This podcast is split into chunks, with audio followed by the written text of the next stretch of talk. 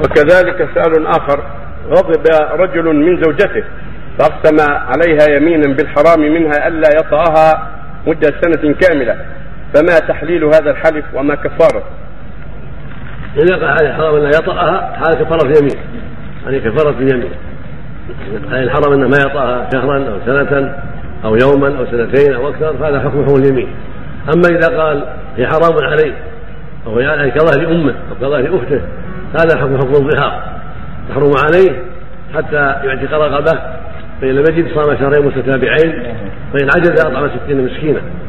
أما إذا قال عليه الحرام ما يطأ أو عليه الحرام ما يكلمها أو عليه الحرام ما ينام معها هذه كان حكم حكم اليمين.